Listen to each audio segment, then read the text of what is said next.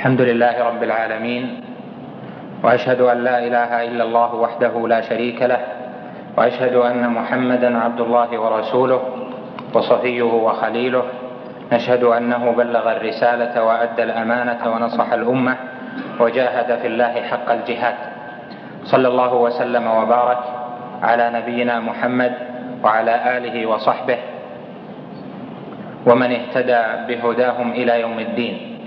أما بعد فموضوع هذه المحاضرة أو هذا الدرس قواعد القواعد. وكمقدمة لهذا الموضوع ومدخل بين يديه فإنه لا يراد أن يدرس في هذا الدرس تأصيل القواعد الشرعية ووضع القواعد للتقعيد. فإن هذا مجاله مجال الدراسات المتخصصة والبحوث المتخصصة وإنما نريد من هذا البحث أو هذا الدرس أن نخلص إلى نتيجة فيما يتعلق بالتقعيد وفهم للقواعد ثم ما ينبغي اتخاذه مع القواعد وما لا ينبغي اتخاذه مع القواعد. وسبب هذا الدرس سبب إنشائه أن الناس يمر بهم كثيرا وخاصة القراء وطلبة العلم يمر بهم كثيرا التقعيد يمر بهم كثيرا ذكر القواعد القاعدة في هذا كذا والأصل في هذا كذا. وإذا جاء التقعيد فإنه يفهم اندراج الفروع تحت هذه القاعدة وأن المسلم يطبق هذه القاعدة بإدراج فروعها التي تندرج تحت ألفاظها ويشمل عموم لفظ القاعدة للفروع يدرجها فيها بما فهم من القاعدة. ولهذا كثر في هذا الوقت التأصيل والتقعيد. كل يقول القاعدة كذا والأصل كذا وفهم السلف لهذه المسألة كذا والأصل في هذا كذا والسلف نقلوا في هذه المسألة كذا وربما جعل بعض الأقوال للسلف قاعدة مضطردة وربما طرحت قواعد وأصول قررها أهل العلم في كتبهم ودللوا عليها. فلهذا كان من اللوازم أن يجعل مدخلا أن يجعل مدخل لهذه القواعد ولفهم التقعيد ولما ينبغي اتخاذه مع التقعيد مع ضرب بعض الأمثلة. والثاني من سببي إنشاء هذا الدرس أن نعطي اصولا عامة. ينضبط بها التفكير ينضبط بها عقل طالب العلم أو عقل المسلم بعامة في هذا العصر الذي كثرت فيه الآراء. وهذا العصر كما ترون وتسمعون وتشاهدون كثرت فيه الأقوال كثرت فيه الاتجاهات كثرت فيه الآراء حتى إنها تكثر بعد كل يوم وليلة. وسبب ذلك الإخلال بالتأصيل العلمي. سبب ذلك الإخلال بالرجوع إلى قواعد العلم. ومن أسباب الإخلال ب ومن أسباب حدوث ذلك التفرق أو كثرة الآراء وكثرة المدارس من أسباب ذلك كثرة التقعيد الذي يورده أصحاب كل جهة ويكون ذلك التقعيد تارة مسلما وتارة غير مسلم وربما كان مسلما من جهة غير مسلم من جهة أخرى كما سيأتي لذلك مثال. وهذا مما جعل كثير من الناس وخاصة الشباب يتخبطون في وضع ضوابط عقلية لأن الكل ولله الحمد يريد السلام يريد أن يتقرب من ربه جل وعلا يريد أن يعلم الحق ثم يتبع الحق. هذا ديدن الجميع. ولهذا كل ما دعا داع إلى الحق بطريقته فإنه يجد له أتباع ويجد من يقتنع بفكرته. وسبب الاقتناع بالأفكار الخاطئة أو الأفكار الناقصة أو الأفكار المتبلبلة يعني غير الثابتة التي ليس لها أصول واضحة هو الكلام هو الآراء إيراد أصول إيراد نقول إيراد شواهد إيراد أدلة ونحو ذلك ويكون ذلك الإيراد من الأدلة والأصول والقواعد والشواهد يكون ناقصا.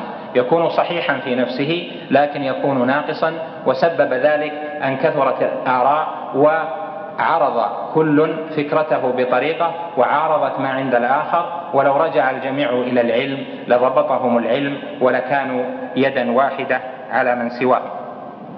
لهذا أقول إن هذا الدرس مدخل وليس تقعيد وليس تقعيدا كاملا لهذه المسألة العظيمة. بل هو مدخل لذلك يفتح لطالب الحق وطالب الصواب في هذه المسائل ما يمكنه أن يضبط عقله وفهمه وإدراكه للأمور وللأحداث وللموازين المختلفة. القواعد عرفها أهل العلم بأنها جمع قاعدة والقاعدة هي ما يبنى عليها غيرها. قاعدة الشيء ما يبنى عليها غيرها. ولهذا قالوا إن تعريف القاعدة عند أهل الاصطلاح أنها أمر كلي ترجع إليه فروع كثيرة. وقال بعضهم إن القاعدة أمر أغلبي ترجع إليه فروع كثيرة. ونفهم من هذا التعريف أن القاعدة عبارة تجمع قلة في الألفاظ لكن يدخل تحتها صور يدخل تحتها صور كثيرة لأن القاعدة موضوعة لجمع الفروع المختلفة. وهذه القواعد التي وضعها أهل العلم وأصلت هذه أقسام. منها ما هي قواعد عامة ومنها ما هو ما هي قواعد قواعد خاصة. قواعد عامة لجميع أهل العلم يعني يتفق عليها العلماء جميعا خاصة في الفقه. ومنها قواعد خاصة في الفقهيات تختلف ما بين مذهب وآخر. والقواعد تقسم باعتبار آخر إلى أن منها قواعد وأصول متصلة بالعقيدة ومنها قواعد وأصول متصلة بالفقه ومنها قواعد وأصول متصلة بالسلوك وأنواع التعامل. وإذا تأملت الكتب المؤلفة في هذا الشأن فتجد أن ظهور القواعد المتصلة بالعقيدة في كتب أئمة السلف ظهور ذلك بين واضح لمن طلبه وكذلك القواعد الفقهية وكذلك قواعد السلوك التي تبحث عند ذكر الاعتصام بالكتاب والسنة واتباع طريقة السلف الصالح في الفهم وفي العبادات وفي أنواع التعامل. هذه أنواع للقواعد وللأصول. قد تجد قاعدة في العقيدة قاعدة في الفقه قاعدة في السلوك والتعامل وهذه لا بد أن ترعى جميعا لأن ذلك التقعيد ما وضع إلا لفائدة. نعلم أن كل شيء شرعي لا بد له من دليل. هذه القواعد ما دليلها؟ القواعد بأقسامها لا بد أن يكون لها دليل والدليل تارة يكون بنص من الكتاب والسنة. يقال دليل هذه القاعدة كذا من الكتاب أو من السنة. مثلا قاعدة الأمور بمقاصدها دليلها قول النبي صلى الله عليه وسلم إنما الأعمال بالنيات. مثلا لا محرم مع ضرورة دليلها قول الله جل وعلا إلا ما اضطررتم إليه وهكذا. وكذلك في مسائل الاعتقاد هناك قواعد لها أدلتها وفي مسائل السلوك هناك قواعد لها أدلتها. فإذا تعرف القاعدة ويستدل لها بالنص من الكتاب أو من السنة. كذلك القاعدة يستدل لها بالإجماع. أجمع السلف أجمع الأئمة على أن من القواعد كذا. كذلك يستدل القاعدة بالاستقراء. باستقراء إمام من الأئمة مسائل معينة في باب أو في أبواب فيخرج قاعدة باستقرائه وهو رجل مأمون إمام من الآئمة فيكون ذكره للقاعدة واستنتاجه للقاعدة صوابا صحيحا. إذا نظرت في الكتب تارة تجد أنه ينص على أن هذه قاعدة. يقال لأن القاعدة كذا لأن الأصل كذا. وتارة لا تجد هذا النص بأن هذه قاعدة وأن هذا هو الأصل وإنما تجد التعبير بأمر كلي يرجع إليه أفراد كثيرة. أمر كلي. يقال مثلا لأن كل كذا ثم يذكر الحكم أو يقول فكل شيء ثم يذكر الحكم. التعبير بأمر كلي يفهم منه أن هذا تقعيد لأن الكليات ترجع إليها أفرادها. فتجد ذلك تارة بذكر القاعدة الأصل والأصل هو القاعدة لأن الأصل يأتي بمعان عند أهل العلم ومن إيراداتهم للأصل أن يكون الأصل بمعنى القاعدة. كما يقال مثلا إن أكل الميتة بخلاف الأصل. فيكون معنى الأصل هنا يعني القاعدة لأن القاعدة أنه لا يجوز الأكل إلا مما أحل الله جل وعلا كما ذكر ذلك الأصوليون وغيرهم ذكرنا أن القواعد أقسام ومنها القواعد العقدية مثالها أن النص محكم والعقل معطل في أبواب العقائد. مثلا من قواعد العقيدة أن الأسباب مرتبطة بمسبباتها وأن إلغاء الأسباب لا يجوز وهو معارضة للشرع وقدح في العقل.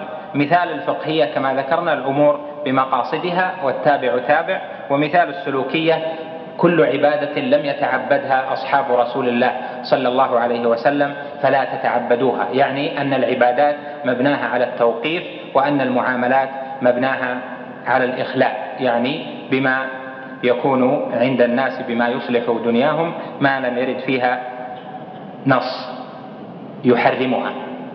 القواعد أنشأها العلماء. لماذا؟ لأنه بعد الفتوح الإسلامية وبعد أن توسعت رقعة دولة الإسلام ظهرت مشاكل ظهرت آراء ظهرت مذاهب ظهرت أفكار جديدة وظهرت صور للمسائل كثيرة. فكان لزاما حتى تضبط المسائل في الباب الواحد وهو ما يسمى بالضابط أو تضبط المسائل في أبواب مختلفة أن تجعل قواعد يرجع إليها فهم تلك المسائل. هذا في الفقهيات كذلك في العقديات. لما كثر خلاف المخالفين للجماعة بطريقة أهل السنة بطريقة السلف الصالح وضعت قواعد تضبط هذا الأمر. فإذا القواعد في الأصل لم تكن موجودة معبر عنها بالقاعدة عند السلف الصالح يعني عند الصحابة والتابعين وإنما وضع العلماء هذه القواعد وعبروا عنها بقاعدة بأصل ونحو ذلك من التعبيرات. لأجل أن تضبط المسائل وحتى يسهل على الناظر أن يتفطن للمسائل التي للمسائل المتفرقة وما يجمعها من قاعدة وأصل واحد. فكثرة الفروع كانت من أسباب نشأة القواعد. كثرة المسائل كثرة الإيرادات كثرة الفروع وكثرة الأقوال لا بد أن تضبط بضابط فكان لذلك أنشئت هذه القواعد أنشئت تلك القواعد وأنشئت الأصول حتى ينضبط العلماء بضابط واحد وحتى إذا أتى من ليس بمجتهد من ليس بعالم غزير العلم لا يأتي ويستقرئ مرة أخرى ويخرج أصولا يضبط بها علمه ونفسه والعمر قصير لا يتحمل أن ينظر المرء في أمور كثيرة. لكن إذا ضبطت القواعد فإنه ترد الفروع وترد المفردات إلى تلك القواعد فينضبط الأمر. من أسباب النشأة؟ أسباب نشأة علم التقعيد أو القواعد أن العقل والفهم إذا لم ينضبط بضابط إذا لم ينضبط بتقعيد فإنه يشت لأن الآراء مختلفة والحكم على المستجدات الحكم على النوازل يختلف في فلان عن فلان حتى من العلماء يختلف فيه ولهذا تجد أن اختلاف السلف من التابعين خاصة تجد أن اختلافهم في الغالب لا يرجع إلى اختلاف القواعد. أما اختلاف العلماء من أهل المذاهب المعروفة يرجع إلى تقعيد. وذلك لأن أولئك نظروا في القواعد وضبطوا المسائل بالتقعيد وأما من قبلهم فإنه لم تتأصل ذلك فكانت المسائل عندهم مبنية على اجتهاده في النازلة. فيأتي من بعده ولا يدري قاعدته في هذه المسألة فيقلده في هذا الباب أو في تلك المسألة ولا ينظر إلى مأخذه من جهة التقعيد العام. أيضا من أسباب وضع التقعيد ومن أسباب نشأة القواعد أن لا يتأثر طلاب العلم وأن لا يتأثر الناس بالمتشابهات لأن التقعيد يضبط.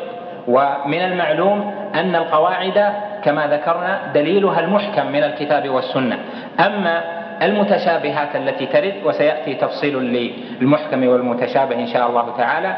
أما المتشابهات فإذا أوردت على من ليس براسخ في العلم فربما تشتت ربما نظر إلى المسألة ولم يتفطن لمأخذها من القواعد فكان من اللوازم أن توضع قواعد في العقيدة قواعد في السلوك قواعد في الفقهيات حتى ينضبط الناس وإذا أوردت المتشابهات فإن طالب العلم إذا نظر إلى المتشابه الذي يخدش القاعدة يعلم أن للعلماء فيه نظرا يعلم أن للعلماء فيه توجيها ولا يترك القاعدة وهي الأصل الأصيل لأجل إيراد أحد من الناس متشابه من المتشابهات ولو كان دليلا من الكتاب والسنة لأن من أدلة الكتاب والسنة ما هو متشابه لا يؤمل به إلا بعد رده إلى المحكم.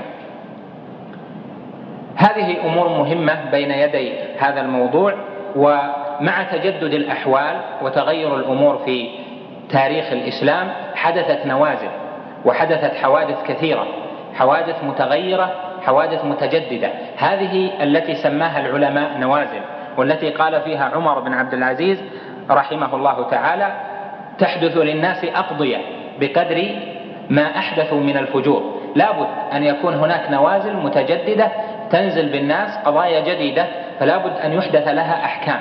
هل كل ما أتت قضية وكل, وكل ما أتى شيء يرجع الأمر فيه إلى اجتهاد جديد؟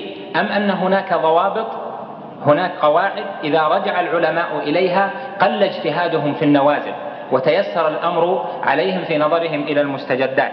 لا شك أن حدوث النوازل كان من أسباب التقعيد وأيضا خدمت خدمت تقعيد العلماء وطلبة العلم في النظر إلى النوازل والمستجدات. النوازل يعني الحوادث المختلفة والمستجدات في البلاد وفي الدول وفي المجتمعات هذه ترجع إلى أسباب. من أهم أسبابها التطور لأن الناس يتطورون. كل زمن تجد أنه يدخل تحسينات على ما قبله خاصة في أمور المعاملات. تأتي معاملات جديدة ليست في الزمن الأول والعقل بطبعه يحب أن يجدد يحب أن يأتي بأشياء جديدة. هذا التطور الذي يحدث عند الناس إذا لم ينضبط بتقعيد فإنه لا حد للعقل لأن العقل يريد أن يتطور ويصل إلى أشياء قد تبعده تماما عن الشريعة وعن الدين الذي ارتضاه الله جل وعلا. فكانت القواعد مرجعة لهذه النوازل إلى أصول ثابتة مهما حدث تجدد في الأحوال ومهما حدث تجدد وتغير في الأمور وفي المستجدات فإن القواعد تضبط ذلك في فهم طالب العلم وفي حكم العالم وفي فتواه حتى ترجع إلى أصول ثابتة. لأن هذه الشريعة ثابتة. من أوصاف الشريعة أنها شريعة ثابتة ثابتة من جهة النظر إلى الأشياء ثابتة من جهة الأحكام ثابتة من جهة تعبيد الناس لله جل وعلا ولكن الفتوى كما هو معلوم تتغير بتغير الأحوال والزمان لأن الفتوى مبنية على اختلاف أحوال الناس وتارة يكون اعتماد المفتي على العرف وهذا له بحث آخر ليس هذا مجاله أيضا من أسباب وجود النوازل التي دعت إلى ضرورة فهم القواعد وضرورة التقعيد وأن يربط المسلم نفسه بالقاعدة فضلا عن طلاب العلم فضلا عن العلماء أن الزمان يفسد. وكما قال النبي عليه الصلاة والسلام لا يأتيكم زمان إلا والذي بعده شر منه حتى تلقوا ربكم. فهل إذا استجد الزمان بأنواع من الفساد وأنواع من التغييرات كما قال عمر بن عبد العزيز تحدث للناس أقضية بقدر ما أحدثوا من الفجور. هل إذا تجدد الفجور وازداد الفجور أو ازداد بعد الناس عن الدين هل نأتي لهم بأشياء جديدة لم يكن عليها الأمر الأول؟ التقعيد يضبط هذه النوازل التي هي راجعة إلى فساد الزمان وفساد أهله بأمر يجعل الشريعة ثابتة ويجعل النظر وحكم الكتاب والسنة ثابتا لا يتغير لأن هذه الشريعة صالحة لكل زمان ومكان كما هو معلوم وحكمها في أول الزمان كحكمها في آخره. والله جل وعلا علم أن هذا الدين باق إلى قيام الساعة فجعل أحكامه باقية إلى قيام الساعة. فإذا مهما حدث من فساد الناس مهما حدث من تغير مهما حدث من أمور فإرجاعها إلى أصول الشرع يضبط ذلك ويجعل ذلك الفساد ليس وسيلة إلى تغيير الشرع.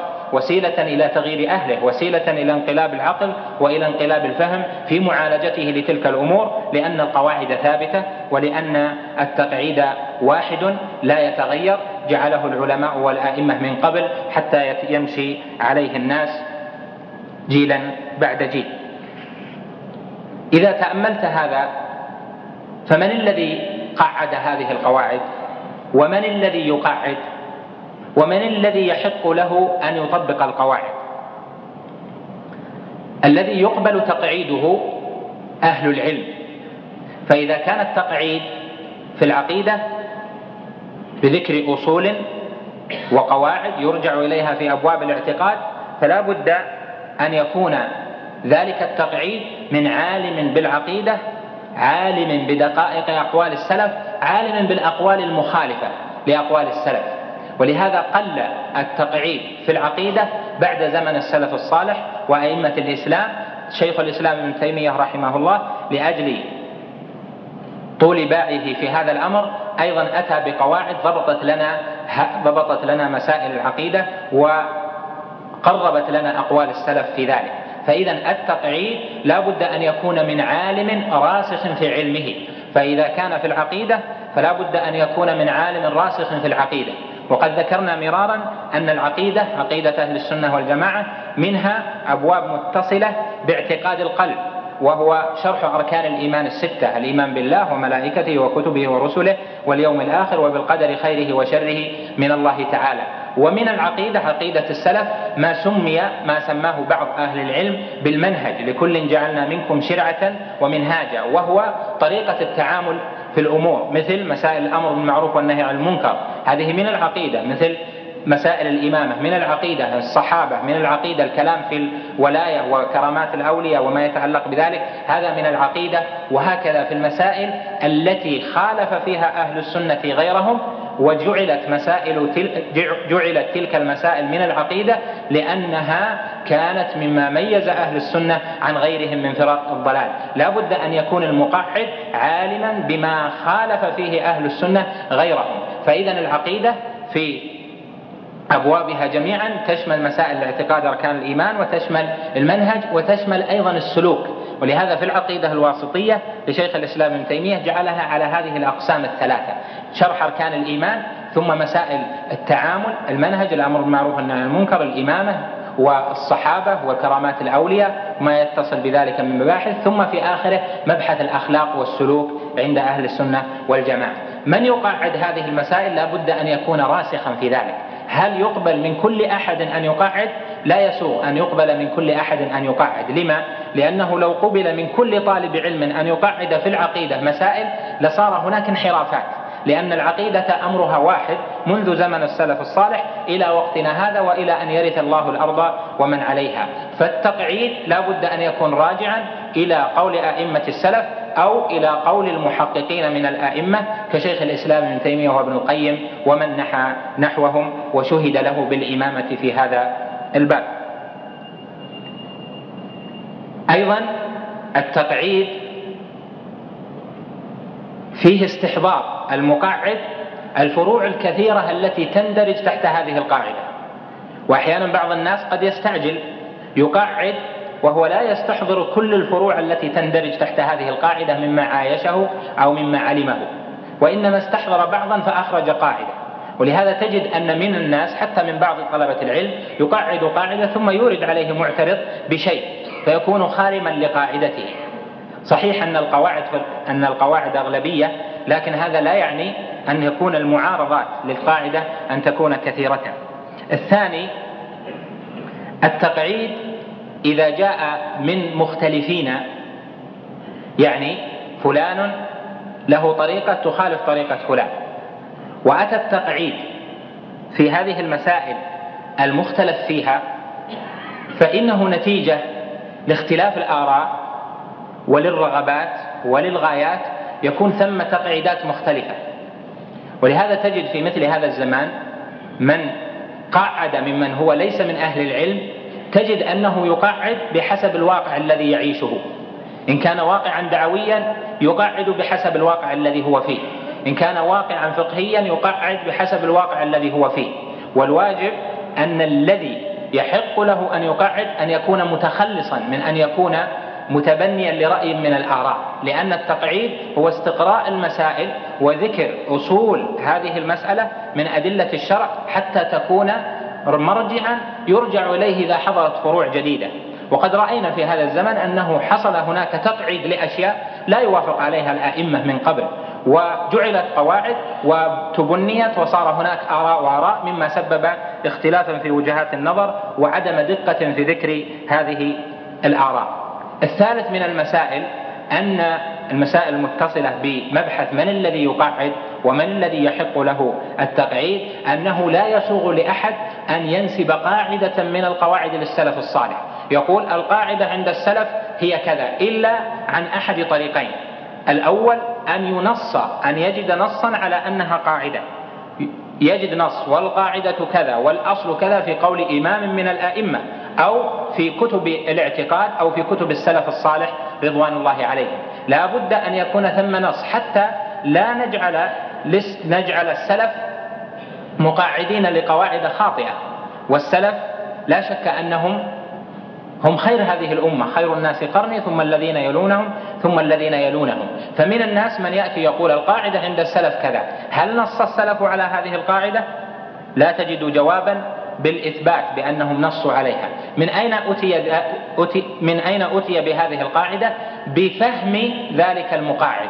والمقاعد إذا كان من أهل العلم فإنه لن يجترئ على تقعيد دون نص من من السلف الصالح على هذا التقعيد إذا نسبت تلك القاعدة للسلف، هذا الطريق الأول لفهم التقعيد المنسوب للسلف الصالح أن ينص على هذه القاعدة عند السلف الصالح، الثاني أن يستقرئ عالم راسخ متأني لكلام السلف في المسألة ثم يقعد، فإذا أتى عالم راسخ في العلم متأني فيما يأتي وفيما يذر ويستقرئ كلام السلف وبعد استقرائه لكلامهم ولأحوالهم يخرج تقعيدا. مثل ما قعد لنا شيخ الإسلام رحمه الله تعالى قواعد كثيرة في فهم في العقيدة وكذلك في السلوك لي ونسب هذه القواعد للسلف فإنه انضبطت الأفهام وإذا نظرت في أقوال السلف وفي أحوالهم لا تجد أنها تخرج عن تقعيدات شيخ الإسلام ابن تيمية لما؟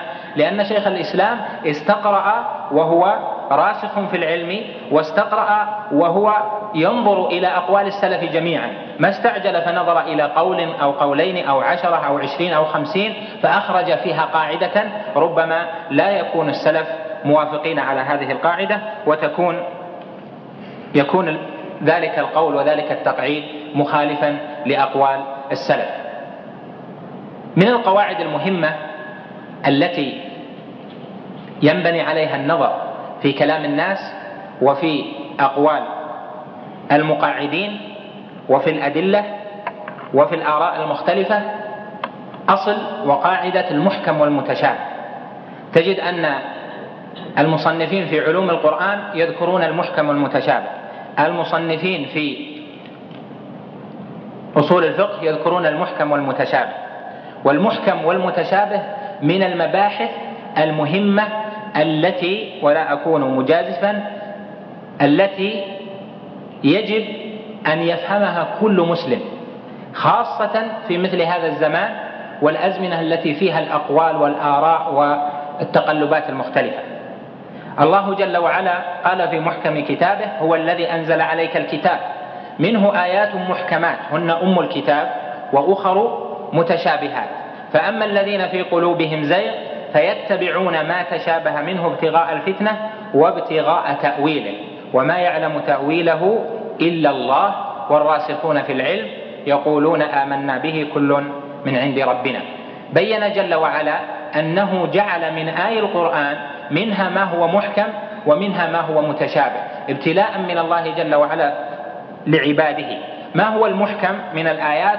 هو الواضح المعنى هو البين المعنى الذي يفهمه من قرأه بدون إشكال. واضح المعنى؟ مفهوم. وهناك آيات أخر مشتبهات يعني تشتبه ولا يدرى وجهها حتى ترد إلى المحكم. هذه المشتبهات كثيرة في القرآن. يشتبه النظر في هذه الآية هل هذه الآية على ظاهرها هل هذه الآية يؤخذ منها الحكم أم إن هذه الآية مبين معناها في مكان آخر مبين, مبين معناها في آية أخرى. جعل الله جل وعلا القرآن منه محكم ومنه متشابه. المحكم الواضح المعنى والمتشابه الذي يشتبه على الناظر فيه معناه كذلك السنة منها محكم ومنها متشابه. ولهذا قال النبي صلى الله عليه وسلم إذا رأيتم الذين يتبعون ما تشابه منه فأولئك الذين سمى الله فاحذروهم. الذين يتبعون ما تشابه منه هم أهل الزيغ. قال جل وعلا فأما الذين في قلوبهم زيغ فيتبعون ما تشابه منه. ولهذا لما جاءت الخوارج احتجت الخوارج على مبدئهم وعلى مذهبهم بنصوص من الكتاب والسنة. احتجوا على تكفير صاحب الكبيرة بنص من القرآن. واحتجوا على ذلك بنص من السنة. احتجوا على آرائهم بنصوص. والنبي صلى الله عليه وسلم ثبت عنه كما في الصحيحين من أوجه متعددة أنه قال في الخوارج يمرقون من الدين كما يمرق السهم من الرمية أينما لقيتموهم فاقتلوهم. فإن في قتلهم لمن قتلهم أجرا عند الله جل جلاله. ما سبب ضلالهم؟ أنهم أخذوا المتشابه وتركوا المحكم. من الذي يعلم المتشابه من المحكم؟ من الذي يرد المتشابه إلى المحكم؟ صحابة الرسول صلى الله عليه وسلم والخوارج لم يرجعوا إلى الصحابة فصار استدلالهم بالمتشابه استدلوا بالقرآن وبالسنة وليس كل مستدل بالقرآن وبالسنة مصيبا وناجيا بل لا بد أن يكون استدلاله بالقرآن وبالسنة راجعا إلى فهم أهل العلم الذين يرجعون المتشابه إلى المحكم. إذا نظرت في الآراء المختلفة في أقوال المرجئة في أقوال القدرية كل يحتج بالكتاب والسنة. لكن هل احتجاجه بالكتاب والسنة على فهم السلف؟ هل هو على فهم الصحابة؟ هل هو على فهم أئمة الإسلام؟ لو كان على فهمهم لما حصل خروج عن الجماعة الأولى ولكانت هذه الأمة جماعة واحدة. لكن سبب الخلاف وسبب الفرقة الأخذ بالمتشابهات وترك المحكمات. لهذا من الأصول العظيمة في التقعيد أن تتبين المحكم من المتشابه. أن تضبط محكمات الشرع محكمات الدين محكمات العقيدة فإذا أتى آت بدليل آخر يخالف المحكم فلا بد أن تسأل عنه لأنك واقف, لأنك واقف على محكم واقف, واقف على دليل على قاعدة ولا تخرج عنه إلا بشيء قوي من النص من الكتاب أو السنة أو تقعيد أهل الإسلام. إذا نظرت في المحكم والمتشابه على هذا النحو فإنك تتعجب أن كان في كتاب الله وهو كلام الله جل وعلا الحكيم الخبير أن كان فيه ما يشتبه أن كان فيه ما ضل بسببه بعض الناس ما ضل بسببه أمم ما ضلت بسببه فرق وجماعات ومذاهب متعددة كما قال النبي عليه الصلاة والسلام وستفترق هذه الأمة على ثلاث وسبعين فرقة كلها في النار إلا واحدة وهي الجماعة. قال الشاطبي رحمه الله في الموافقات إنه لا يعجز أحد أن يستدل على رأيه في مسألة من المسائل بالكتاب أو بالسنة. فهذه النصارى استدلت على رأيهم في أن بعثة النبي صلى الله عليه وسلم حق ولكنها مخصوصة بالعرب بقول الله جل وعلا وأنذر عشيرتك الأقربين وبقوله وإنه لذكر لك ولقومك وسوف تسألون.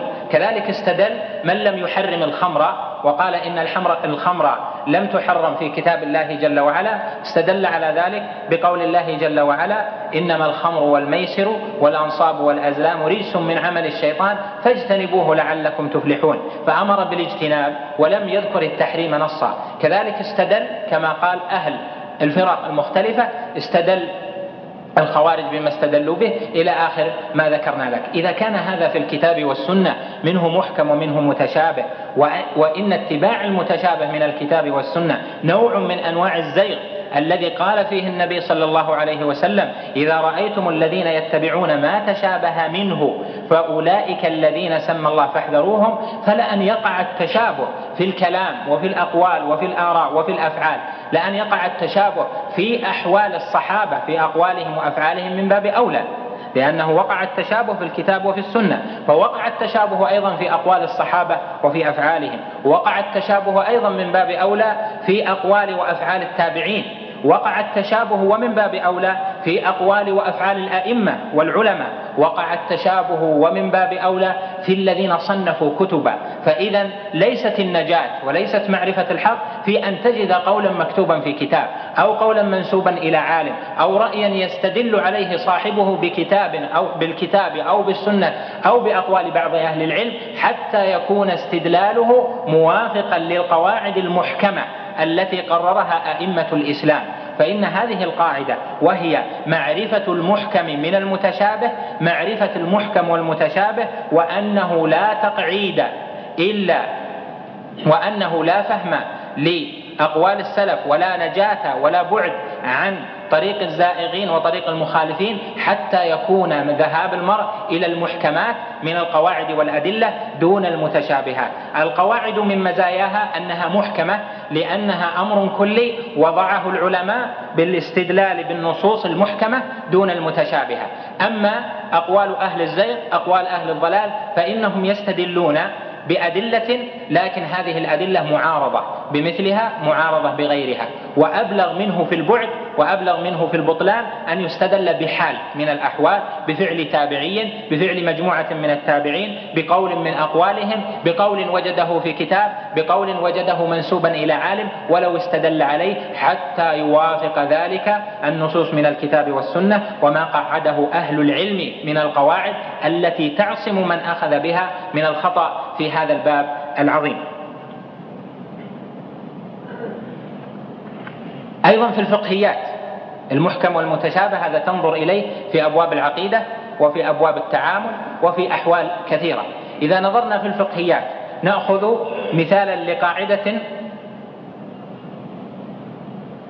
تقعيدية في هذا البيان وهذا التقعيد في الفقه الذي يضبط الذهن ويخلص المرء في تقلبات الأحوال من كثير من الإشكالات أن تعلم أن الفقه هو العلم بالحلال والحرام من نصوص الكتاب والسنة وما فهمه الآئمة واستنبطوه من الأحكام. الفقه مرتبط بعضه ببعض. الفقه مبني بعضه على بعض. ففهم أحكام العبادات مبني على فهم القواعد مبني على معرفة النصوص والأحكام في أبواب أخرى من الفقه. ويتأكد ذلك في انبناء واعتماد الفقه بعضه على بعض إذا أتت النوازل. لأن النازلة قد يردها بعض الناس إلى دليل.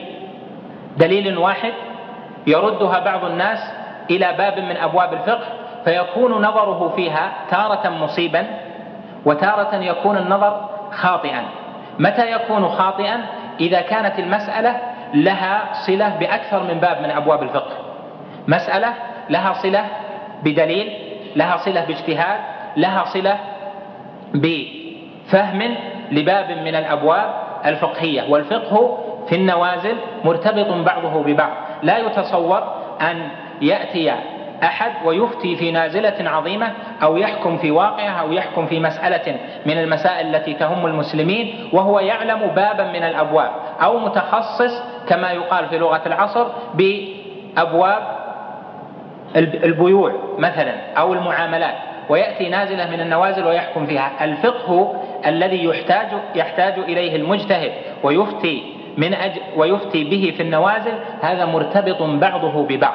فإذا أتى متجرئ مثلا وتكلم في مسألة فقهية عظيمة ينبني عليها رأي ينبني عليها اختلاف ينبني عليها تفرق ينبني عليها أن يتبعه فيها أناس أو يتبع فيها فئات أو جماعات أو يتغير فيها حال بلد أو, أو ينبني عليها مواقف أو ينبني عليها عمل وجهاد أو نحو ذلك. إذا تكلم في مسألة وهو يعلم من نفسه أنه لم يضبط الفقه كله فإنه قد جنى على نفسه لأنه تكلم في هذه النازلة ببعض ما عنده من العلم وهو يعلم أنه لم يضبط هذا العلم كله.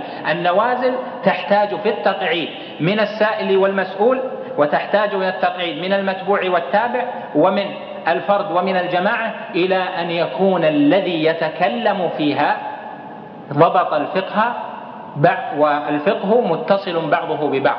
لا يكون خبيرا بباب من الأبواب أو بابين أو ثلاثة لأن هذا مرتبط بعضه ببعض. والفقه مبني على التقعيد فإذا يكون الارتباط بكلام الأئمة والعلماء وبالتقعيد وبالأدلة من الكتاب والسنة. ولو كان الناس كذلك لانضبطوا لكن الجرأة والإعجاب وأسباب كثيرة جعلت المرء يتكلم ثم جعلت من يتبعه. ولا شك أن كل من عنده علم لا بد أن يكون عنده نوع حجة. ويكون عنده احتجاج لكن الشأن ليس في وجود الاحتجاج.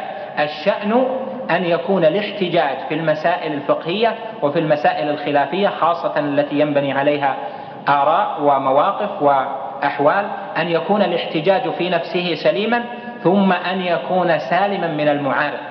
لأن كثيرا من الاحتجاجات إذا نظرت إليها في نفسها تجد أنها سليمة. لكن إذا نظر إليها عالم قال هذا معارض بدليل كذا هذا معارض بقاعدة كذا هذا لا يستقيم لأن فيه كذا وكذا. فإذا ليس الشأن في هذه الأبواب أن يتجرأ متجرئ في تقعيد الفقهيات التي ينبني عليها المواقف والأحوال الآراء المختلفة أن يكون عالما ببعض الفقه عالما ببعض المسائل عنده مراجعه فإن الفقه ملكة. لو كان الفقه مراجعة الكتب لسهل الأمر من قديم لكن الفقه ملكة تكون بطول ملازمة العلم بطول ملازمة الفقه حتى يكون هذا الناظر وهذا الفقيه مجتهدا قد فهم أدلة الشرع وأمن وأمن هو أن يتكلم على الشرع بهوى. وهذا لا شك أنه من الأصول المهمة ونخلص منه إلى أن الذي يحق له التقعيد في هذه المسائل ويتبع قوله هم المجتهدون. الذي يحق له ذلك هم أهل الاجتهاد لأن الفقه بعضه مبني على بعض وبعضه يقود إلى بعض ولا يمكن أن يفرق بين كلام الله جل وعلا. ولهذا من تجرأ على كلام الله وعلى كلام رسوله صلى الله عليه وسلم فيعلم من نفسه أنه يعلم بعضا دون بعض وترك التعني ولم يزدر نفسه في هذا الباب فإنه قد جنى على نفسه وليس بمعذور لأنه علم نقصه وتجرأ وحكم على ما لا يسوغ له الحكم فيه. التقعيد لفهم القواعد في الفقهيات له آثار. من آثاره وهذا للمثال وليس للحصر من آثاره ما يعلمه كل منكم من دخول كثير من الناس وخاصة بعض المنتسبين إلى العلم أو طلبة العلم دخلوا في مسائل التفسيق والتكفير. والتبديع.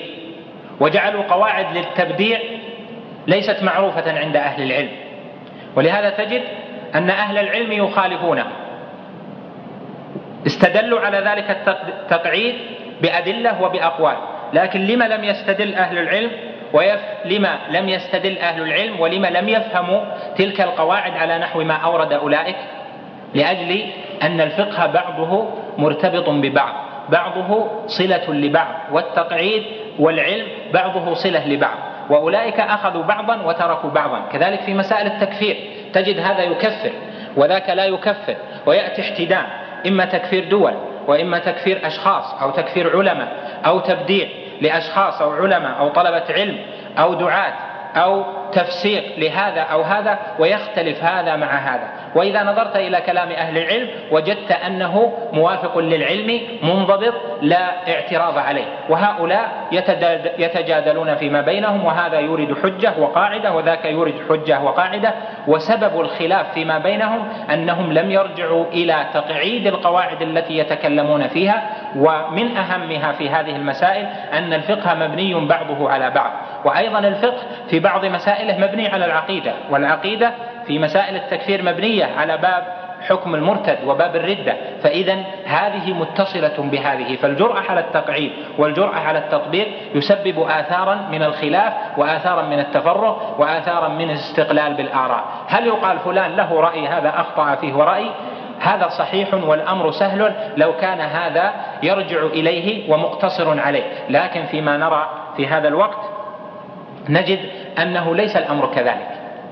نجد أن كل من له رأي وله فهم لا بد أن تجد من يتبعه على ذلك. وهذا سبب لنا آراء كثيرة وفرق كثيرة وأقوال كثيرة وهذا مما يجب أن يدرى وأن يجتمع أهل الحق وأن يجتمع المؤمنون وطلاب الإصلاح وطلاب الخير وطلاب الدعوة وطلاب الجنة وطلاب الدار الآخرة أن يجتمعوا على كلمة سواء. وألا يسعوا في التفريق وفي زيادة الفرقة فيما بينهم بأن ينضبطوا في تقعيد قواعدهم وفي تقعيد كلامهم وفيما يأتون وفيما يذرون لأن مراد الجميع الخير وهداية الناس إلى الدين والإصلاح وإزالة المنكرات والأمر بالمعروف وفشو الخير وزوال الباطل. وهذا إنما يكون بالاجتماع والائتلاف.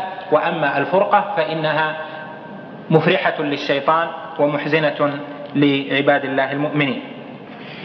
في السلوك هذا مثال يعني مثال للقواعد في أو لتقعيد القواعد في العقيدة مثال لتقعيد القواعد في الفقهيات مثال لتقعيد القواعد في السلوك وقد ذكره بعضهم وهو أن ينضبط ذهنك في التعامل والسلوك بأنه ليس كل قدح أو مدح حقا فلا بد إذا من التثبت. ليس كل قدح ولا كل مدح حقا فلا بد من التثبت. تثبت في القوادح والتثبت في ما يمدح به. كلمة للذهبي الحافظ الذهبي الذي له من اسمه نصيب وقد قال فيه المحدث الطرابلسي وكان يسمع به ولم يره حتى قدم عليه دمشق ورآه قال في الحافظ الذهبي ما زلت بالسمع أهواكم وما ذكرت أخباركم قط إلا ملت من طربي وليس من عجب أن ملت نحوكم فالناس بالطبع قد مالوا إلى الذهب قال الذهبي رحمه الله تعالى ما من إمام كامل في الخير إلا وثم أناس من جهلة المسلمين ومبتدعيهم يذمونه ويحطون عليه. وما من رأس في التجهم والرفض والضلالة إلا وله أناس ينتصرون له ويذبون عنه ويدينون بقوله بهوى وجهل. وإنما العبرة بقول الجمهور إنما العبرة بقول الجمهور الخالين من الهوى والجهل المتصفين بالورع والعلم. قال نعيد كلامه ما من إمام كامل في الخير إلا وثم أناس من جهلة المسلمين ومبتدعيهم يذمونه ويحطون عليه وما من رأس في التجهم والرفض إلا وله أناس ينتصرون له ويذبون عنه ويدينون بقوله بهوى وجهل وإنما العبرة بقول الجمهور الخالين من الهوى والجهل المتصفين بالورع والعلم. انتهى كلامه رحمه الله. ومأخذه في آخر كلامه من قول النبي صلى الله عليه وسلم في جنازة مر بها فأثنوا عليها خيرا ومر بجنازة أخرى فأثنوا عليها شرا. فقال النبي صلى الله عليه وسلم في الجنازة الأولى التي أثنوا عليها خيرا هي في الجنة وقالوا في الجنازة الثانية التي أثنوا عليها شرا هي في النار. قال أنتم شهداء الله في أرضه. من هم شهداء الله في أرضه؟ هم المسلمون المتمسكون بما كان عليه صحابة رسول الله صلى الله عليه وسلم الذين خلوا من الهوى والجهل والذين اتصفوا بالورع والعلم. فهذا فهاتان الصفتان عدميتان وصفتان وجوديتان. أما الصفتان الوجوديتان فأن يكونوا متورعين وأن يكونوا علماء. يكون عندهم ورع وعندهم علم. من الناس من عنده ورع لكن لا علم عنده. فهل يقبل كلامه في الناس فيما يقدح يقدح به في فلان أو يمدح من أجله لفلان؟ هل من عنده ورع بلا علم يقبل قوله في هذا؟ أما الصفتان العدميتان فأن يكون خاليا من الهوى وخاليا من الجهل. خالي من الهوى لأن الهوى يجعله يقدح في من ليس على طريقته. والهوى يجعله يمدح من كان على طريقته فبإعجابه وهواه مدح وبإعجابه وهواه قدح. وهذا يسبب خللا في السلوكيات وخللا في التعامل وخللا في القلوب وخللا في محبة المؤمنين بعضهم لبعض وفي أمور كثيرة من الشر تنبع من أجل الإخلال بهذه القاعدة وهي قاعدة أنه ليس كل قدح أو مدح حقا فلا بد إذن من التثبت. ولهذا نقول لا بد أن يكون الناظر في المدح وفي القدح تابعا للجمهور وهؤلاء الجمهور هم الذين اتصفوا بالعلم والورع واتصفوا بالخلو من الهوى والجهل. تجد من الناس متصف بالعلم وعنده ورع لكن عنده بعض هوى. لذلك تجد أن في كلامه ما يخدش في كلامه ما لا يطمئن المرء معه أن هذا هو القول المنسوب لأئمة الإسلام أو للسلف الصالح. يكون عنده ورع ولكن ليس عنده علم. عنده علم وليس عنده ورع. وهكذا يكون عنده علم ولكن عنده جهالة ببعض الأشياء فيتسبب من أجل ذلك فيما مدح وفيما قدح. يتسبب بما مدح وبما قدح في خلل في أذهن في أذهن الناس وفي أذهن وأفهام المسلمين. فلا بد إذن من أن يكون هناك تقعيد عام في مسائل النظر في المدح والقدح. وهذا الزمن كما ترون وتعلمون ما من إنسان وخاصة من المشتهرين من طلبة العلم أو من العلماء أو من الدعاة أو من غيرهم إلا ولا وله مادح وله قادح. الإمام أحمد ثم من قدح فيه. حتى قال الكرابيسي كلمته المعلومة في قدح من قدح في الإمام أحمد. كذلك الإمام الشافعي ثم من قدح فيه لكن الله جل وعلا أظهر فضائل أولئك وجعل قدح من قدح في أهل العلم الراسخين جعل قدح من قدح فيهم أمره راجع إليه وليس بذي صواب. قدح ومدح. القدح له أسباب ومدح المادح له أسباب. وهذه القاعدة أنه ليس أو تقعيد لقواعد التعامل ليس كل قدح أو مدح حقا لا بد أن نتعرف لأسباب القدح. لما يقدح طالب علم في طالب علم؟ لما يقدح مسلم في مسلم؟ لما يقدح مؤمن في مؤمن؟ ما أسباب القدح عندهم؟ القدح له أسباب. من الأسباب أن يكون هذا قرينا لهذا. وكون هذا قرينا لذاك يجعل القدح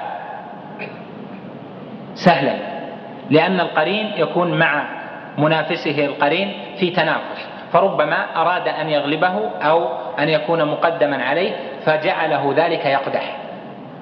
الإمام مالك تكلم في ابن أبي ذئب وابن أبي ذئب قال في الإمام مالك يستتاب مالك فإن تاب وإلا قتل.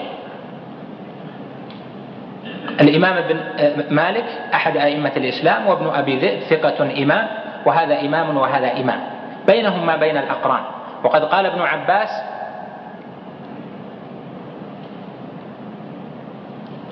إن ما حاصله إن العلماء أو قال نحوها إن العلماء لا يتنافسون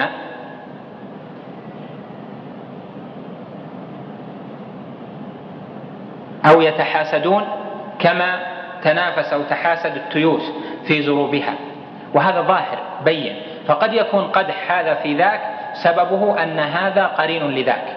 والمؤمن المسدد الورع يحب من ينصر دين الله يحب من يقول الكلمة ولو كان ما معه إلا واحد أو ليس معه أحد.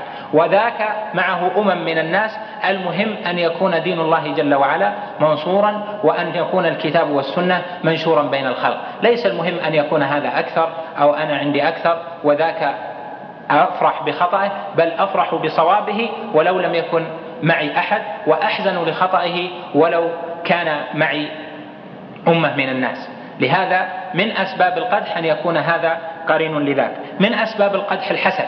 والحسد نهى الله جل وعلا عنه وهو يأكل الحسنات كما جاء في الحديث. قال جل وعلا أم يحسدون الناس على ما آتاهم الله من فضله؟ فقد آتينا آل إبراهيم الكتاب والحكمة وآتيناهم ملكا عظيما.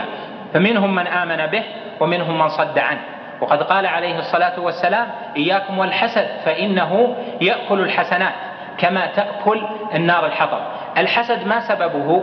سببه أنه حسد هذا وتمنى زوال نعمة الله عليه لشيء في صدره عليه. وحقيقة الحسد أنه عدم رضا بفعل الله عدم رضا بقضاء الله جل وعلا. من الذي أعطى ذاك؟ من الذي أعطاه الفضل؟ من الذي أحسن إليه؟ من الذي جعله هاديا للناس؟ من الذي جعله كذلك وأمده بمال أمده بسمعة حسنة؟ الذي أمده بذلك هو الله جل وعلا. فإذا حسدته فتكون في الحقيقة معترضا على فضل الله الذي يؤتيه من يشاء. من أسباب أيضا القدح التحزبات المختلفة. هذا من فئة وهذا من فئة وهذا يقدح في ذاك وهذا يقدح في ذاك لأجل حزبه وفئته. من أسباب القدح أيضا أن يقدح في عالم يقدح في إمام لأجل إسقاطه وإذا أسقط كان ثم هدف من وراء إسقاطه. فإذا قدح فيه في عالم فزال ذلك العالم. كان السبيل لهذا أن يأتي ويقرر للناس ما يريد فيكون بعد ذلك سائرا. من أسباب القدح في العلماء أو من أسباب القدح في الموجهين أن يكون لذلك القادح هدف يسعى من ورائه بعد إسقاط ذلك يسعى من ورائه بعد القدح إلى إسقاط ذلك. وإذا أسقط هذا المقدوح فيه وهو المشهود له بالخير وتفرق الناس عنه لم يكن موجها ولم يسمع الناس كلامه فخسر الناس كثير وخسر الدين ناصرا من أنصاره. المدح أيضا له أسباب. من أسباب المدح الذي يكون تارة بحق وتارة بغير حق من أسباب المدح زيادة الإعجاب يعجب بشخصية يعجب برجل فيجعله في فيكون إعجابه هذا سببا لأن يمدحه بدون استئناء بدون استثناء. يملك عليه قلبه يملك عليه مشاعره حتى يكون هو الكامل الذي لا عيب فيه. هذا الإعجاب يجعله يمدح بإطلاق ولا يرى عيوبه. كذلك من أسباب المدح الزائد أو غير الحق تارة يكون حقا وتارة يكون على غير الحق. من أسباب المدح التحزبات أيضا والجماعات المختلفة والآراء المختلفة. يمدح لكي يظهر هذا فيقبل الناس عليه لأنه من الفئة الفلانية. يمدح وآخر لما؟ لأنه من الفئة المقابلة. والقاعدة التي تضبط لك هذا أن ليس كل قدح أو مدح حقا فلا بد أن تتثبت. والورع يتخلص يتخلص من الهوى يتخلص من أن يرى بقلبه بل تنظر بالعلم. تنظر في هذا في المقدوح فيه وفي الممدوح تنظر فيه بعلم والموازنة في هذا الأمر بأن تكون مع نفسك بأن تكون مع نفسك متحريا للحق طالبا الصواب وألا تكون ذي هوى. لا على هذا ولا على ذاك. بل نتج من جراء إهمال هذه القاعدة أن كان من يتوسط فلا يمدح بإطلاق ولا يقدح بإطلاق كان متهما من الفئتين لا هؤلاء يرضون عنه يعني المادحين ولا القادحين يرضون عنه. وكل كان مدحه أو قدحه متجاوزا للحد أو ليس بدقيق في وصف من وصفوه ويكون فيه نوع فيه خير وفيه غير ذلك. والمؤمن إذا كانت حسناته كثيرة وكانت سيئاته قليلة فإنه هو المسدد كما قال بعض أهل العلم إذا زادت حسنات الرجل وقلت سيئاته فهو العدل. من زادت حسناته وقلت سيئاته فهو العدل. من ذا الذي ترضى سجاياه كلها؟ كفى المرء نبلا أن تعد معايبه. هذا من جهة ما يقوم بقلبك يعني من القدح أو المدح. أما من جهة التعامل فقد أوضحنا أنواع التعامل في الدرس الماضي. هذه نتيجة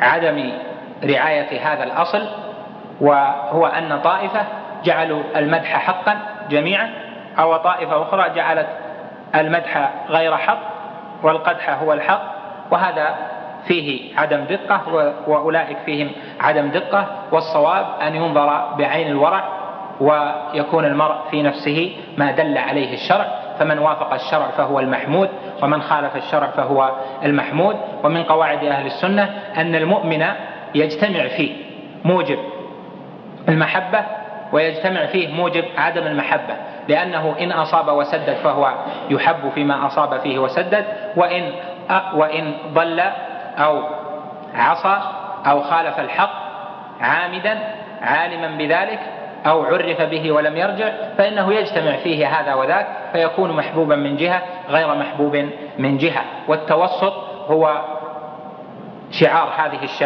الشعيرة شعار هذه الشريعة وشعار هذا الدين هو أن هذا الدين وسط بين الأديان السالفة وهذه الطائفة أهل السنة والجماعة وسط بين الطوائف المختلفة. خاتمة لهذا الموضوع أمثلة لتطبيق بعض القواعد خطأ. بعض القواعد العامة أمثلة نمثل لتطبيقها خطأ وثم عدة أمثلة لكن نذكر منها مثالين. الأول قاعدة الجماعة ما وافق الحق وإن كنت وحدك. هذه قاعدة عامة قالها ابن مسعود رضي الله عنه وأهل العلم تتابعوا عليها. الجماعة ما وافق الحق وإن كنت وحدك. هذه القاعدة منها دخل إلى أن المرء إذا تبنى فكرة أو قولا واقتنع به فإنه ينظر إلى المخالفين الكثير فيقول أنا على الحق ودليل ذلك أننا قليل. وأما المخالفون فهم كثرة ودليل باطلهم أنهم كثير. وقد قال ابن مسعود الجماعة ما وافق الحق وإن كنت وحدك. لا شك أن العبرة ليست هي بالكثرة بل العبرة بموافقة الحق. قد تكون موافقة الحق من قلة وقد تكون موافقة الحق من كثرة. ففي أول الإسلام كانت موافقة الحق من قلة ثم لما انتشر الإسلام كانت موافقة الحق من كثرة.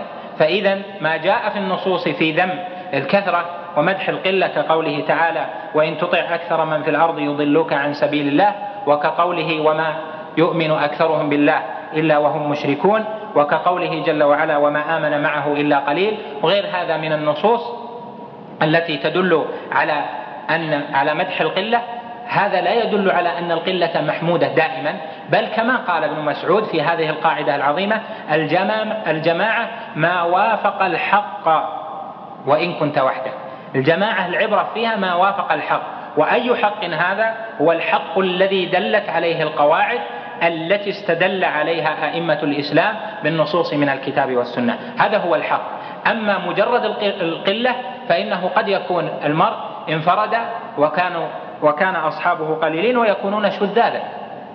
وقد يكون في زمن من الأزمنة أو في مكان من الأمكنة يكون أهل الحق الذين هم على الصواب قليلا. فلا بد إذن من رعاية القواعد من رعاية القاعدة والقواعد الشرعية التي بها نطبق هذا هذه القاعدة. مثال ثاني وأخير للتطبيق الخطأ أو لذكر بعض القواعد. خطأ القاعدة المستنبطة من قول الله جل وعلا وإذا قلتم فاعدلوا ولو كان ذا قربى ومن قوله جل وعلا ولا يجرمنكم شنآن قوم على ألا تعدلوا اعدلوا هو أقرب للتقوى. العدل أمر الله جل وعلا به. إن الله يأمر بالعدل والإحسان وإيتاء ذي القربى. ويتصل بذلك ما جعلت قاعدة وهي أن السلف لا يوازنون بين الحسنات والسيئات وأن السلف إذا كان عند الرجل سيئة فإنهم لا ينظرون إلى حسناته.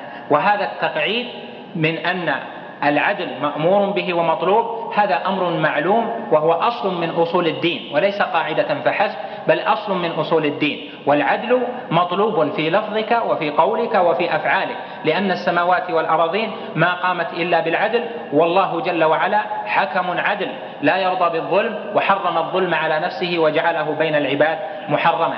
يظلم المرء غيره ويتخذ غير سبيل العدل في قوله في عرضه في رأيه له إلى آخر ذلك.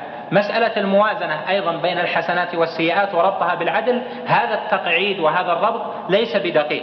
لأن قاعدة الموازنة بين الحسنات والسيئات تارة تكون حقا وتارة تكون مردودة فيرد أن يوازن بين الحسنات والسيئات في مسائل ويقبل أن يوازن بين الحسنات والسيئات في مسائل. ولهذا من رأى طريقة شيخ الإسلام ابن تيمية وجد أنه ذكر الحسنات والسيئات في مسائل معلومة موجودة وفي حكمه على بعض الفئات حتى بعض المعتزلة وبعض الأشاعرة ولم يأخذ بهذه القاعدة في مسائل فجعلها قاعدة مضطردة هو مما افتقر إلى تنظير وتأصيل متبع فيه طريقة السلف الصالح وكان فيها نوع عدم استقراء كامل لذلك فحصل منها الخلل. نعم لا يوازن بين الحسنات والسيئات إذا كان المقام مقام رد على المخالف مقام رد على مبتدع مقام رد على ضال لأنك إذا ذكرت حسنات ذلك المردود عليه أو ذلك الضال أو ذلك المبتدع أو ذلك الظالم ذكرت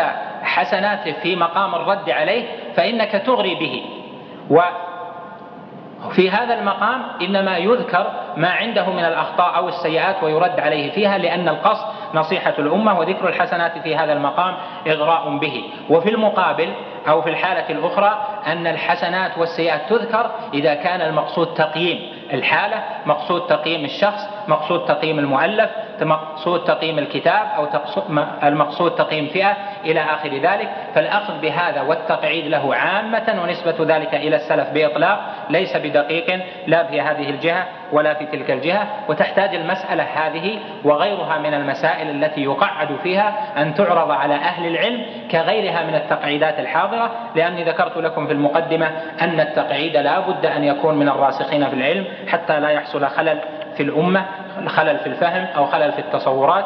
هذا وأسأل الله جل وعلا أن ينفعني وإياكم بما ذكرنا وأن يغفر لي زللي وخطئي وخطلي وكل ذلك عندي. وأسأل الله لي ولكم التوفيق والسداد والرشد والهداية وأن يجعلنا من المتبعين لسلفنا الصالح المبتعدين عن طرق أهل الضلال والخلاف. وصلى الله وسلم وبارك على نبينا محمد.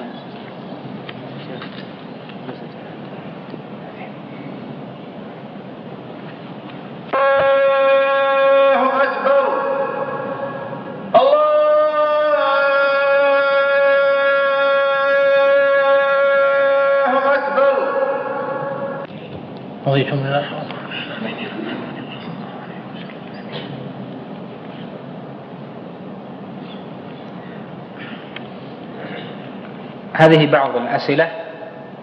السؤال الأول سؤال امرأة متزوجة تقول من رجل مقصر في كثير من الأمور وناصحته كثيرا إلى آخر كلامها وهذا أجيب عنه إن شاء الله خلف الورقة ويتصل وليها أو من أتى بهذه هذا السؤال بالإمام ويأخذ الجواب بعد الصلاة إن شاء الله.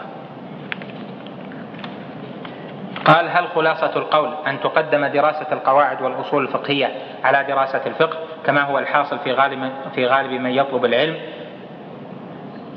الجواب أن دراسة الفقه والتوحيد بهما ينجو المرء، أما دراسة القواعد فإنما يحتاج إليها المجتهد والقواعد كما ذكرنا منها قواعد عامة وقواعد خاصة في الفقهيات وهذه صنعة المجتهدين أو صنعة طلبة العلم المتقدمين.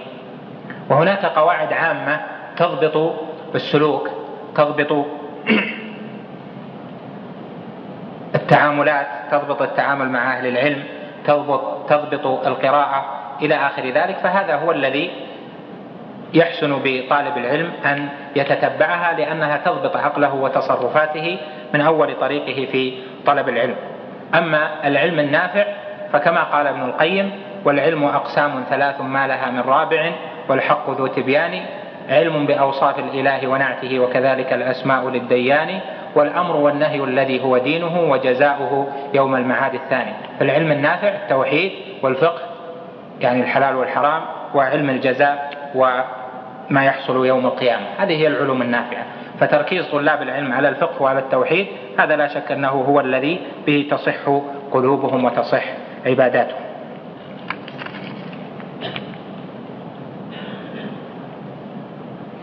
يقول أنا شاب وعندي همة ورغبة في طلب العلم ولكن لا أعلم ما هي الطريقة الصحيحة التي يسير عليها الإنسان إذا أراد طلب العلم. أرجو منك توضيح ذلك لي ولغيري إلى آخره. طلب العلم من الأمور المهمة لأنه يحصل به المرء على فضيلة العلماء وإن العالم ليستغفر له كل شيء حتى الحيتان في جوف الماء. وهذه فضيلة لأهل العلم ولطلبة العلم وإن الملائكة لتضع أجنحتها لطالب العلم رضا بما يصنع كما جاء ذلك في الحديث الصحيح عن النبي صلى الله عليه وسلم. طريقة طلب العلم تحتاج إلى تطويل وإلى كلام مفصل لكن ثم كلمة سبق أن ألقيتها بعنوان المنهجية في طلب العلم وهي موجودة مسجلة فحبذا إن شاء السائل أن يراجعها أو يراجع غيرها من من أو يراجع غيرها من الكلمات التي فيها بيان طريقة المرحلية لطلب العلم وتأصيل الطالب.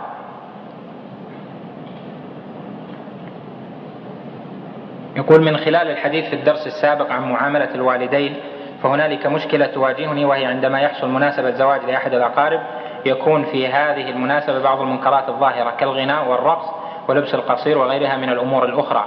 فاضطررت إلى منع زوجتي من الحضور إلا أن والدتي أقامت الدنيا ولم تقعدها. لماذا تمنع زوجتك تمنع زوجتك من ذلك؟ فأوضحت لها ولكنها لم تقتنع من ذلك وعللت بأن الناس جميعهم يفعلون ذلك. سؤالي هل عملي هذا صواب أولا؟ وكيف أعمل مع والدتي؟ وما الأساليب المناسبة في ذلك؟ إذا كان حضور مثل هذه الدعوات الدعوات الواجبة اللي هي وليمة العرس إذا كان حضورها فيه منكرات إذا كان حضورها فيه فعل العبد بعض المنكرات كسماعه للغنى أو رؤيته لبعض المنكرات ولا يستطيع إنكارها فيجمع بين الأمرين بأن يحضر ثم ينصرف. وهذا الذي كان يعمله الإمام أحمد ويعمله غيره من السلف كأنهم إذا دعوا إلى دعوة واجبة حضروا فإذا رأوا منكرا أنكروا وانصرفوا. فهذا يكون فيه استجابة الدعوة إجابة الدعوة الواجبة ويكون فيه أيضا إنكارا للمنكر ثم انصراف ويكون معذورا. وحق الوالدة لا شك أنه عظيم وتجب طاعة الوالدين في غير معصية الله تعالى. فالذي ينبغي على هذا السائل أن يقنع والدته وأن يجعل زوجته مع والدته في أحسن تعامل وأن يحيل بالأمر أمر المنع إليه لا إلى زوجته لأجل أن يحصل الائتلاف لأنه غالبا الوالدة لا تغضب على ولدها أو لا تقاطع ولدها وأما زوجة الولد فإنه كثيرا ما تحصل بينها وبين أم الزوج كثير من الخلافات. فيرجع المنع إليه ويقول ستذهب وإذا رأت منكرا فإنها ستتصل بي وآتي لآخذها من هذا المكان. يكون فيه جمع بين ما أمر به شرعا وترك ما حضر شرعا. قال من خلال الواقع الذي كلمة غير مفهومة. من خلال الواقع الذي كذا عن أحوال الكثير من الشباب نجد أن ضعف الشخصية له دور بارز في التثبيط وتغير الأحوال فتجد الشباب أمام يعني كلمات غير واضحة لا يستطيع أن يفعل أي شيء بل أنا يعني يعذرني من أن الحبر متقطع ما فهمت. وذكرت أن الذي يحكم في النوازل لا بد أن يكون ملما بالفقه بأكمله من أوله إلى آخره بسبب ارتباط بعضه ببعض مع أننا نجد بعض الأبواب لا ارتباط لها البتة بأبواب أخرى وقد ذكر بعض المحققين من الأصوليين أن الاجتهاد يتجزأ فيكون مجتهدا في باب دون باب آخر وهكذا وقد ورد عن بعض الأئمة الذي لا يشك أحد في إمامتهم واجتهادهم أنهم سئلوا عن بعض المسائل فقالوا لا ندري كما ورد عن مالك وغيره فكيف نوفق بين هذا وبين ما ذكرت؟ هذا السؤال كنت مستحضرا له حين كلامي عن المسألة ولهذا قيدت ارتباط الفقه بعضه ببعض بالإفتاء في النوازل. أما في غير النوازل يعني فيما يعرض كثيرا ويتردد ويكون من أحوال الناس المعتادة فهذا كما قيل الاجتهاد يتجزأ. يعني من ضبط أبواب الطهارة فإنه يجيب عن مسائل الطهارة أو من ضبط أحكام النكاح والطلاق والعدد والنفقات إلى آخره يتكلم في الأحوال الشخصية وأحوال البيوت ومن ضبط مسائل البيوع يتكلم في البيوع.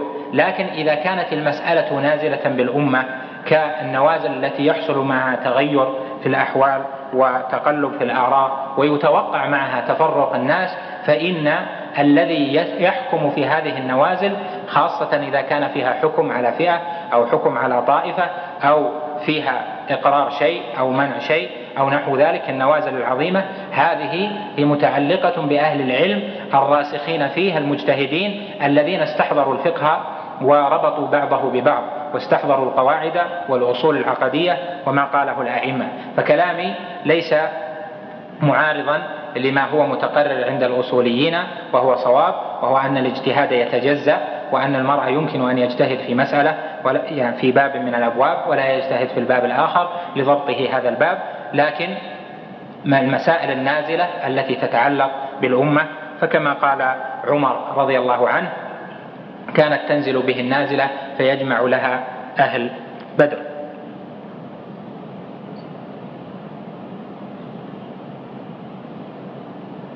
كيف يجمع المرء بين طلب العلم والأهل من ناحية الوقت؟ وأيهما أو أولى بذلك؟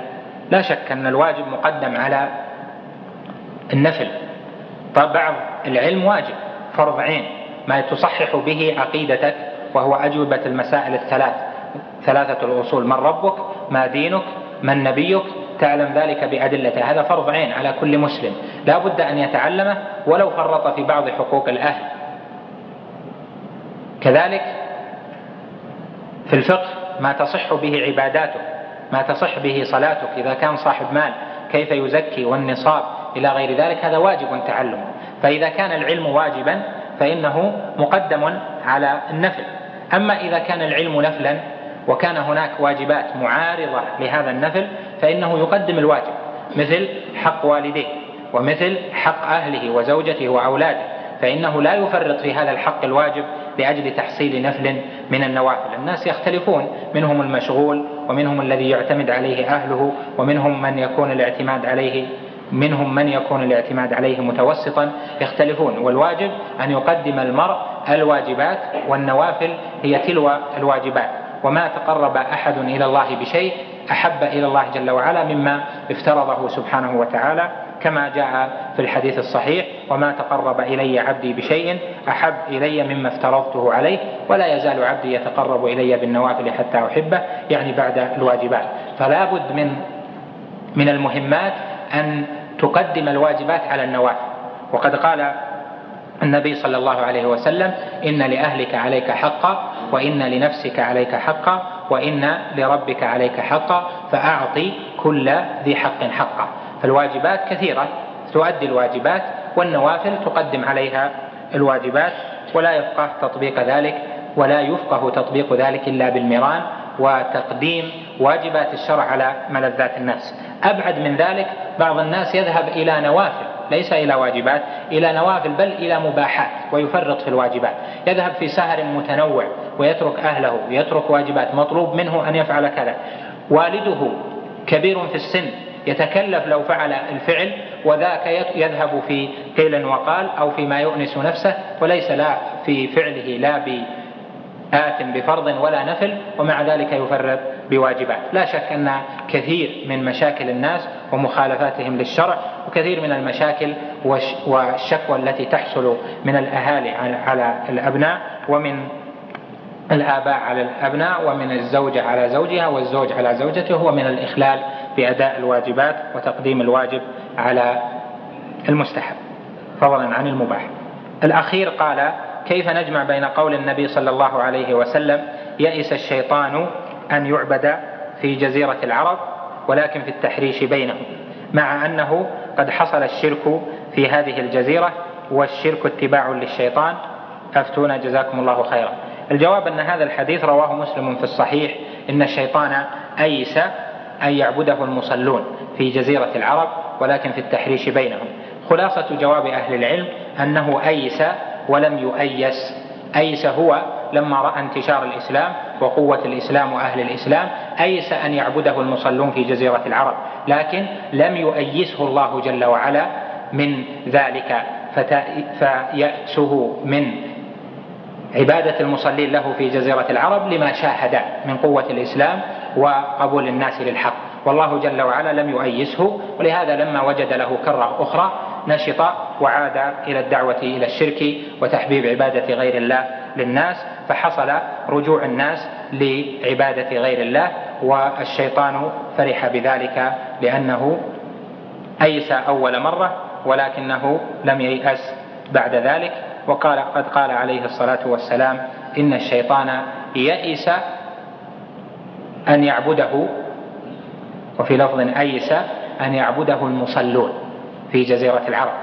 قال بعض أهل العلم في قوله المصلون تنبيه إلى أن الذي لا يضره الشيطان هو الذي يوصف بأنه من المصلين الذين قال الله جل وعلا فيهم إلا المصلين الذين هم على صلاتهم دائمون ولتمام البحث في ذلك موضع آخر إن شاء الله تعالى وصلى الله وسلم وبارك على نبينا محمد.